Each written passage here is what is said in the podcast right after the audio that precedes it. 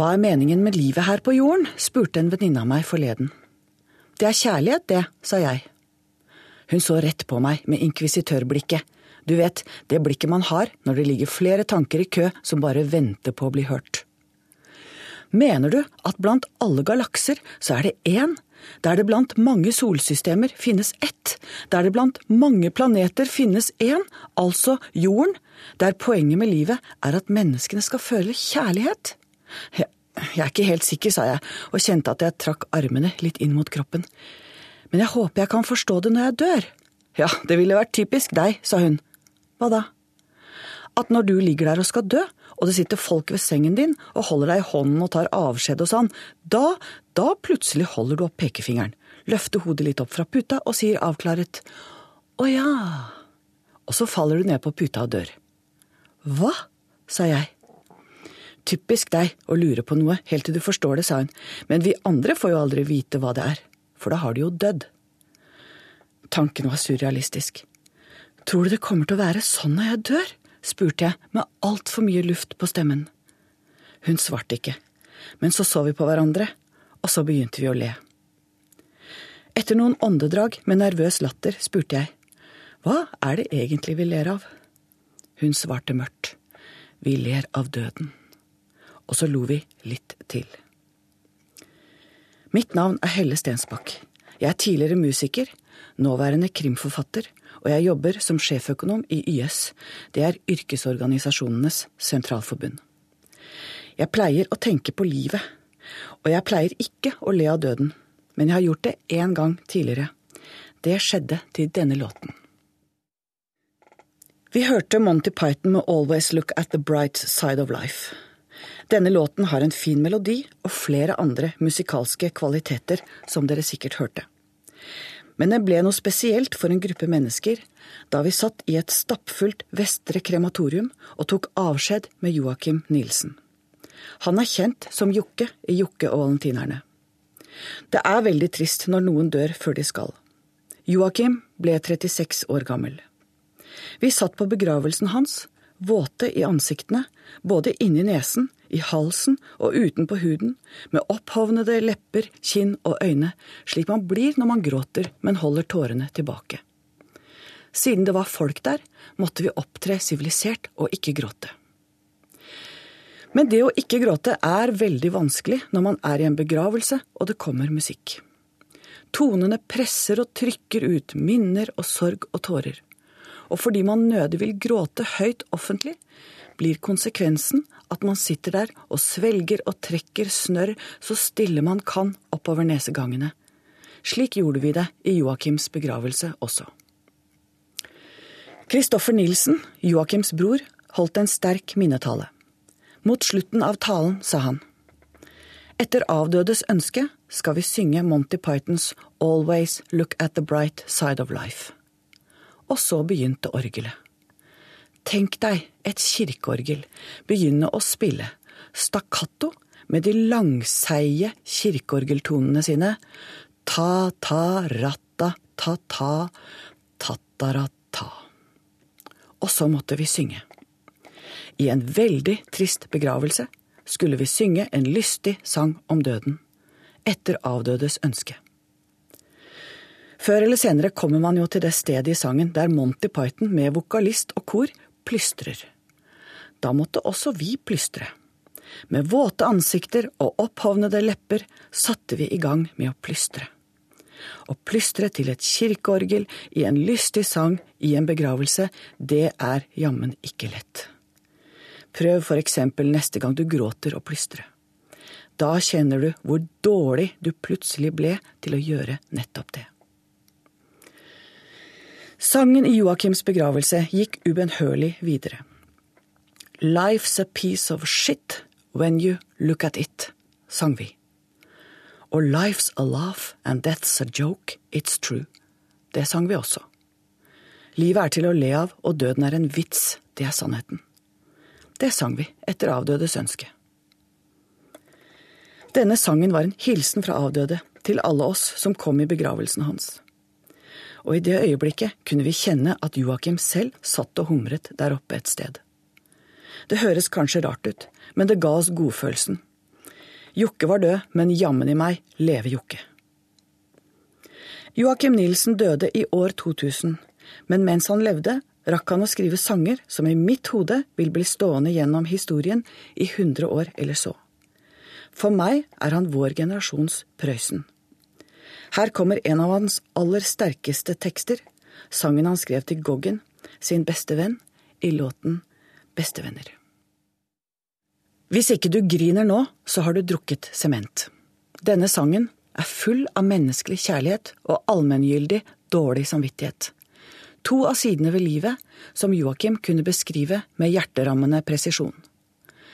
Selv om vi ikke kjører gaffeltrøkk på fabrikk, selv om vi ikke begynte med det vi aldri skulle begynne med, selv om vi ikke sloss og fikk bank og dro hjem og drakk mer og hata hele verden, så kjenner vi oss igjen.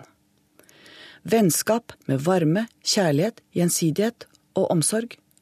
Og den dårlige samvittigheten når dette svikter. Og lengselen tilbake til det unge, pure vennskapet igjen. Fra sin tilværelse som alkoholiker og senere rusmisbruker evnet Joakim Nilsen å gripe det allmenngyldige, det som gjelder oss alle, selv når han kledde det i misbrukerens språkdrakt. Selv ble jeg kjent med Joakim da jeg var musiker. Etter å ha studert litt retningsløst en tre–fire års tid, ble det mer og mer musikk på meg. Flere spillejobber og andre oppdrag førte til at musikk ble en hovedbeskjeftigelse i 15 år og i fire band. I tillegg bidro jeg på plater og konserter til andre band- og musikerkolleger, herav også med Jokke og Valentinerne. Forleden dag var jeg på et årsmøte i en musikkorganisasjon. Det er slike prosaiske ting som også følger med det å ha en musikerbakgrunn. Møtet fant sted i Popsenteret i Oslo. Og siden det var et møte, var det også litt tid til å kjede seg. Jeg satt der og så på veggen og på veggen henger det kollasjer av gamle forsider til New Musical Express, den viktigste og kuleste musikkavisa fra da jeg var ung, på 80-tallet. Jeg kjente igjen alle artistene som var avbildet, forsidene var fra min tid som musiker. Men kanskje fordi jeg kjedet meg, eller kanskje fordi verden har gått framover siden den gang, nå tok det bare noen sekunder å se at samtlige artister som var avbildet på forsiden av New Musical Express, var menn. Det er jo ganske absurd å tenke på i dag, men det var altså normalen den gang. På 80-tallet stormet vi jentene inn på den norske musikkscenen. På 90-tallet fikk vi barn. Og leilighet, og gjeld, og jobb, og band, og dårlig tid. Det preget musikken. Her kommer låta Tid av Einmal kom til live.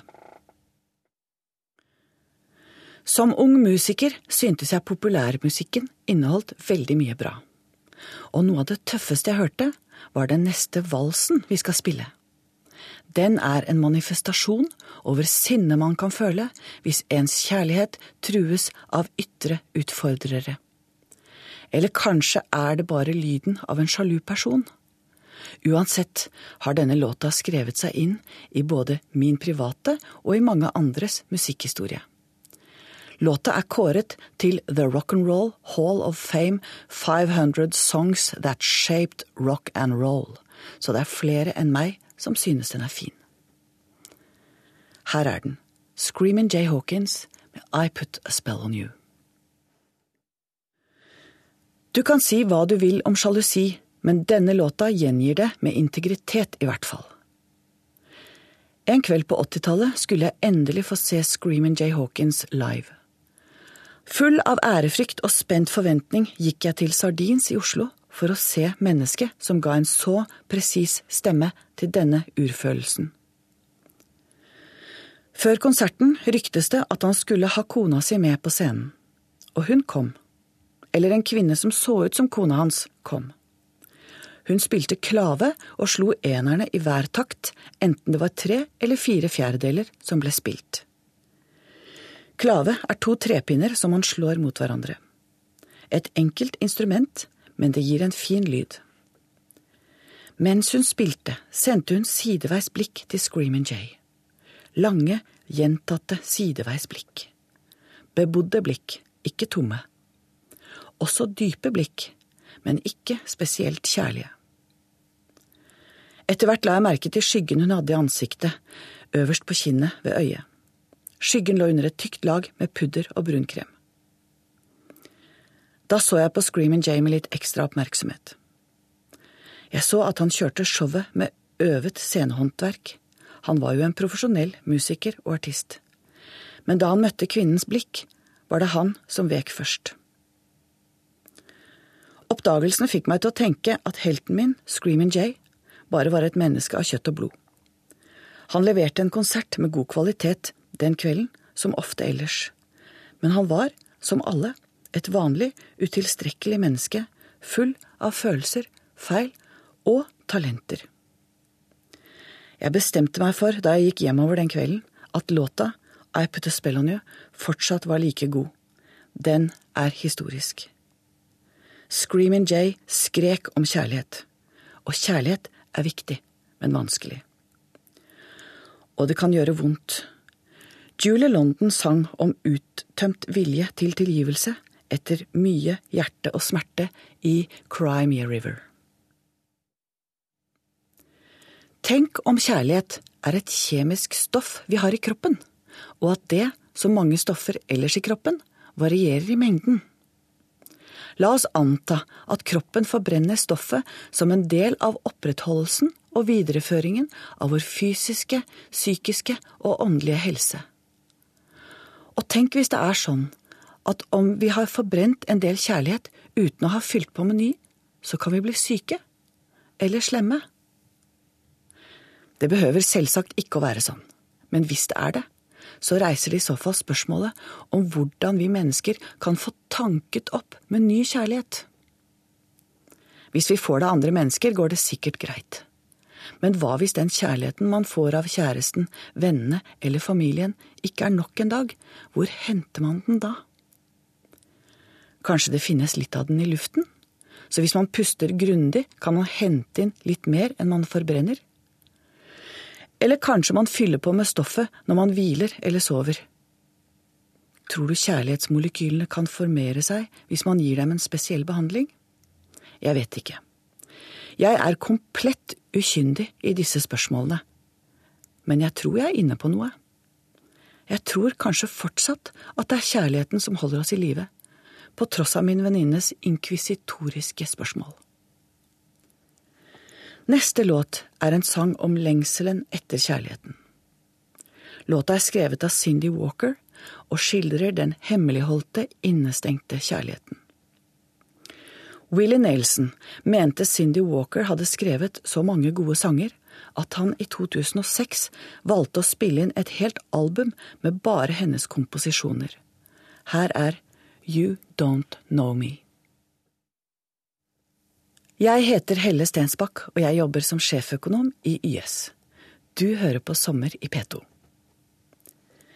Verdensbanken har gjennom økonomisk forskning funnet at økonomisk likestilling også vil øke et lands bruttonasjonalprodukt. Og dermed at likestilling lønner seg for alle individene i et land. Hvordan kan det være slik? Jeg vet ikke, men jeg vil spekulere litt på én mulig årsak. Vi økonomer regner teknologisk framgang som det viktigste bidraget til økonomisk vekst. Men her har jo vitterlig menn bidratt mest. Oppfinnsomme og teknisk anlagte som de ofte er. Det kan tyde på at det er menn som bidrar til økt verdiskaping. Hva er det da med kvinners arbeid som kan trekke bruttonasjonalproduktet enda lenger opp? Hva er det Verdensbankens økonomiske forskning forteller oss? Tenk deg følgende enkle resonnement. Når noe er gratis, er det heller ikke så farlig om man sløser litt med det. Slik også med kvinners arbeidskraft.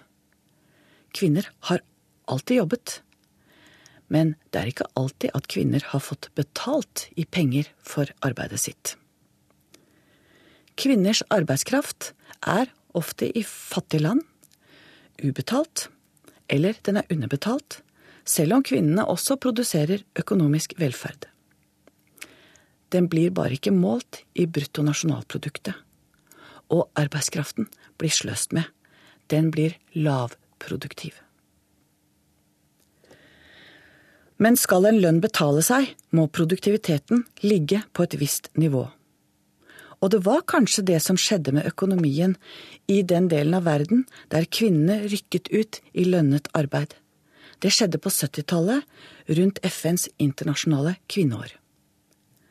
Produktiviteten økte fordi det ikke lenger var likegyldig hvor mange timer man brukte på et stykke verdiskaping.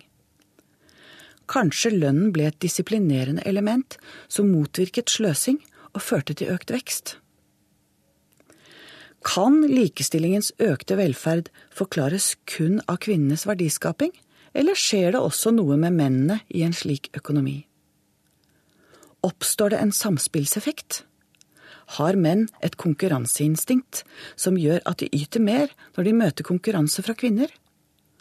Får likestilte samfunn rett og slett dyktigere menn? I så fall kan veksten forklares i økt produktivitet fra både kvinner og menn. Marilyn Monroe sang en fin sang om hvordan en kvinne kan verdsette en mann fordi han har sterke indre kvaliteter, selv om han ikke får øye på dem sånn utenfra med en gang. Her er You'd Be Surprised. Husker du T5PC? Selskapet som kalte seg The 5 Community? Navnet var laget for å signalisere at de smarteste fem prosentene gjorde ting litt annerledes og vant på det. Denne gevinsten skulle man kunne hente inn hvis man meldte seg inn i The 5% Community. Selskapet var egentlig en pyramide, og det hele endte med en skandale. Det var drevet av fem personer som klarte å knytte til seg om lag 80 000 mennesker altså ikke 5, men 1,8% av befolkningen som medlemmer. Entreprenørene klarte å lure til seg 1 milliard kroner på virksomhet som var forførerisk og svikefull, men likevel ikke kun ulovlig. Atferden deres var sterkt uetisk, men ikke like sterkt ulovlig. For jussen hadde ikke utviklet skarpe nok regler til å gi dem en straff som sto i forhold til atferden. De fem mennene har sluppet unna med noen korte straffer og ellers mange henleggelser. Denne saken er et eksempel på hvordan noen enkeltpersoner kan ødelegge for mange og likevel komme seg unna med, om ikke alt, så med det meste. Slik atferd demoraliserer andre og virker som forurensning. Vi kaller dem som lar seg lure av slike svikere, for naive. Det er litt nedsettende. Jeg liker ikke det så godt, og jeg vil slå et slag for de naive her. Jeg har hørt at nordmenn blir omtalt som et naivt folk. Det betyr vel strengt tatt at vi har mye tillit til hverandre? Og i økonomisk forstand fungerer ting veldig fint, faktisk overlegent fint, når folk stoler på hverandre og opptrer ærlig.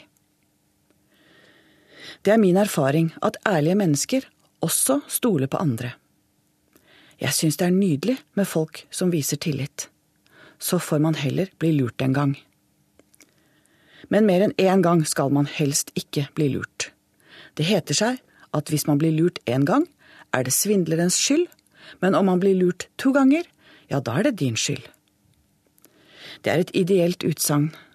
Livet er antagelig ikke like enkelt og strømlinjeformet, men her synger Karin Wright at én gang er nok. Det var Once Is Enough med Karin Wright. Jeg heter Helle Stensbakk, og du lytter til Sommer i P2. Mange tror vi er rike på grunn av olje. Det mener jeg er feil, eller i hvert fall en veldig upresis ting å si. Vi er rike på grunn av arbeidet, og av måten vi har organisert samfunnet vårt på og det gjorde vi store deler av før vi fant olje. Vår norske samfunnsmodell legger en god grunn for bred rikdom. Og så har oljen kommet i tillegg og gitt oss et gedigent bankinnskudd i utlandet. Jeg liker vår samfunnsmodell. Jeg liker den urnorske holdningen som setter jevnbyrdighet og likeverd høyt. Jeg liker at vi, økonomisk, organiserer oss slik at vi søker å eliminere faktorer som svekker individet utenfra. Er du født inn i en fattig familie, reduserer vi familiens fattigdom. Vi gir individet muligheter til full utdanning, der evne til å ta til seg kunnskap er opptakskriteriet, og ikke foreldrenes pengesekk. Det er som kjent ikke penger som gjør deg smart, men evnen til å ta opp og anvende kunnskap. En annen ting jeg liker ved Norge, er at vi gir menneskeprodusentene, altså de gravide kvinnene og de nybakte foreldrene, tid til å utføre første del av produksjonsoppgaven med høy kvalitet. Før stakk vi kjepper i hjulene for dem som gjorde denne viktige jobben. En tredje ting jeg liker med Norge, er at vi holder øye med og søker å motvirke det når krefter trekker i retning av å øke økonomiske forskjeller mellom folk. Det er sterke krefter i sving, og vi lykkes ikke 100% men vi lykkes bedre enn de fleste med å holde forskjellene små. Noe av det urnorskeste jeg vet, er vår streben etter rettferdighet og like muligheter.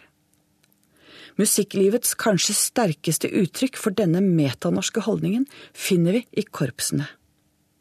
Jeg har aldri spilt i korps.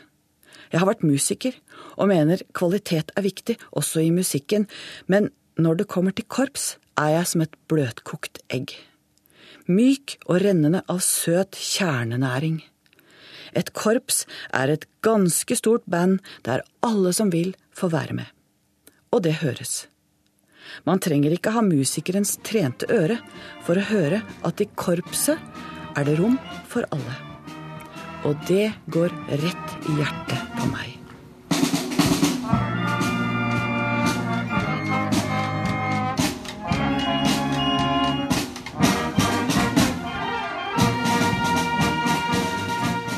Korpsmusikk er lyden av noen av de barna som skal arve og videreføre den norske modellen. De som ikke skal bruke mer enn avkastningen av oljefondet, slik at generasjonene også etter dem skal ha glede av de oljepengene vi har opptjent siden 90-tallet. Mange politikere lurer på hva vi skal leve av etter oljen. Jeg antar de mener etter at vi ikke utvinner olje fra Nordsjøen mer. For vi levde jo av noe før vi begynte å ta opp olje i Nordsjøen. Og vi skal nok klare å leve av noe etter det også. Jeg jobber som sjeføkonom i YS. Og det betyr at jeg jobber med økonomien. Med det viktige arbeidsmarkedet og med lønn og fordeling. Og derfra vet jeg at svaret på politikernes spørsmål er at etter oljen skal vi leve av arbeidet av fruktene av menneskets arbeid, som blir gjort mer potent av teknologi. Så enkelt og så vanskelig er det. Men hvordan velger man musikk som kan akkompagnere politikk? Ja, jeg er samfunnsøkonom, og jeg er tidligere musiker, og jeg syntes ikke det var noen enkel oppgave. Men jeg vet om et band som lager låter om temaer som det ikke ofte lages låter om. Her kommer Black Debatt med låten Det er problemer innad i Høyre. Takk for meg, len deg tilbake og nyt litt tung, tung politisk rock.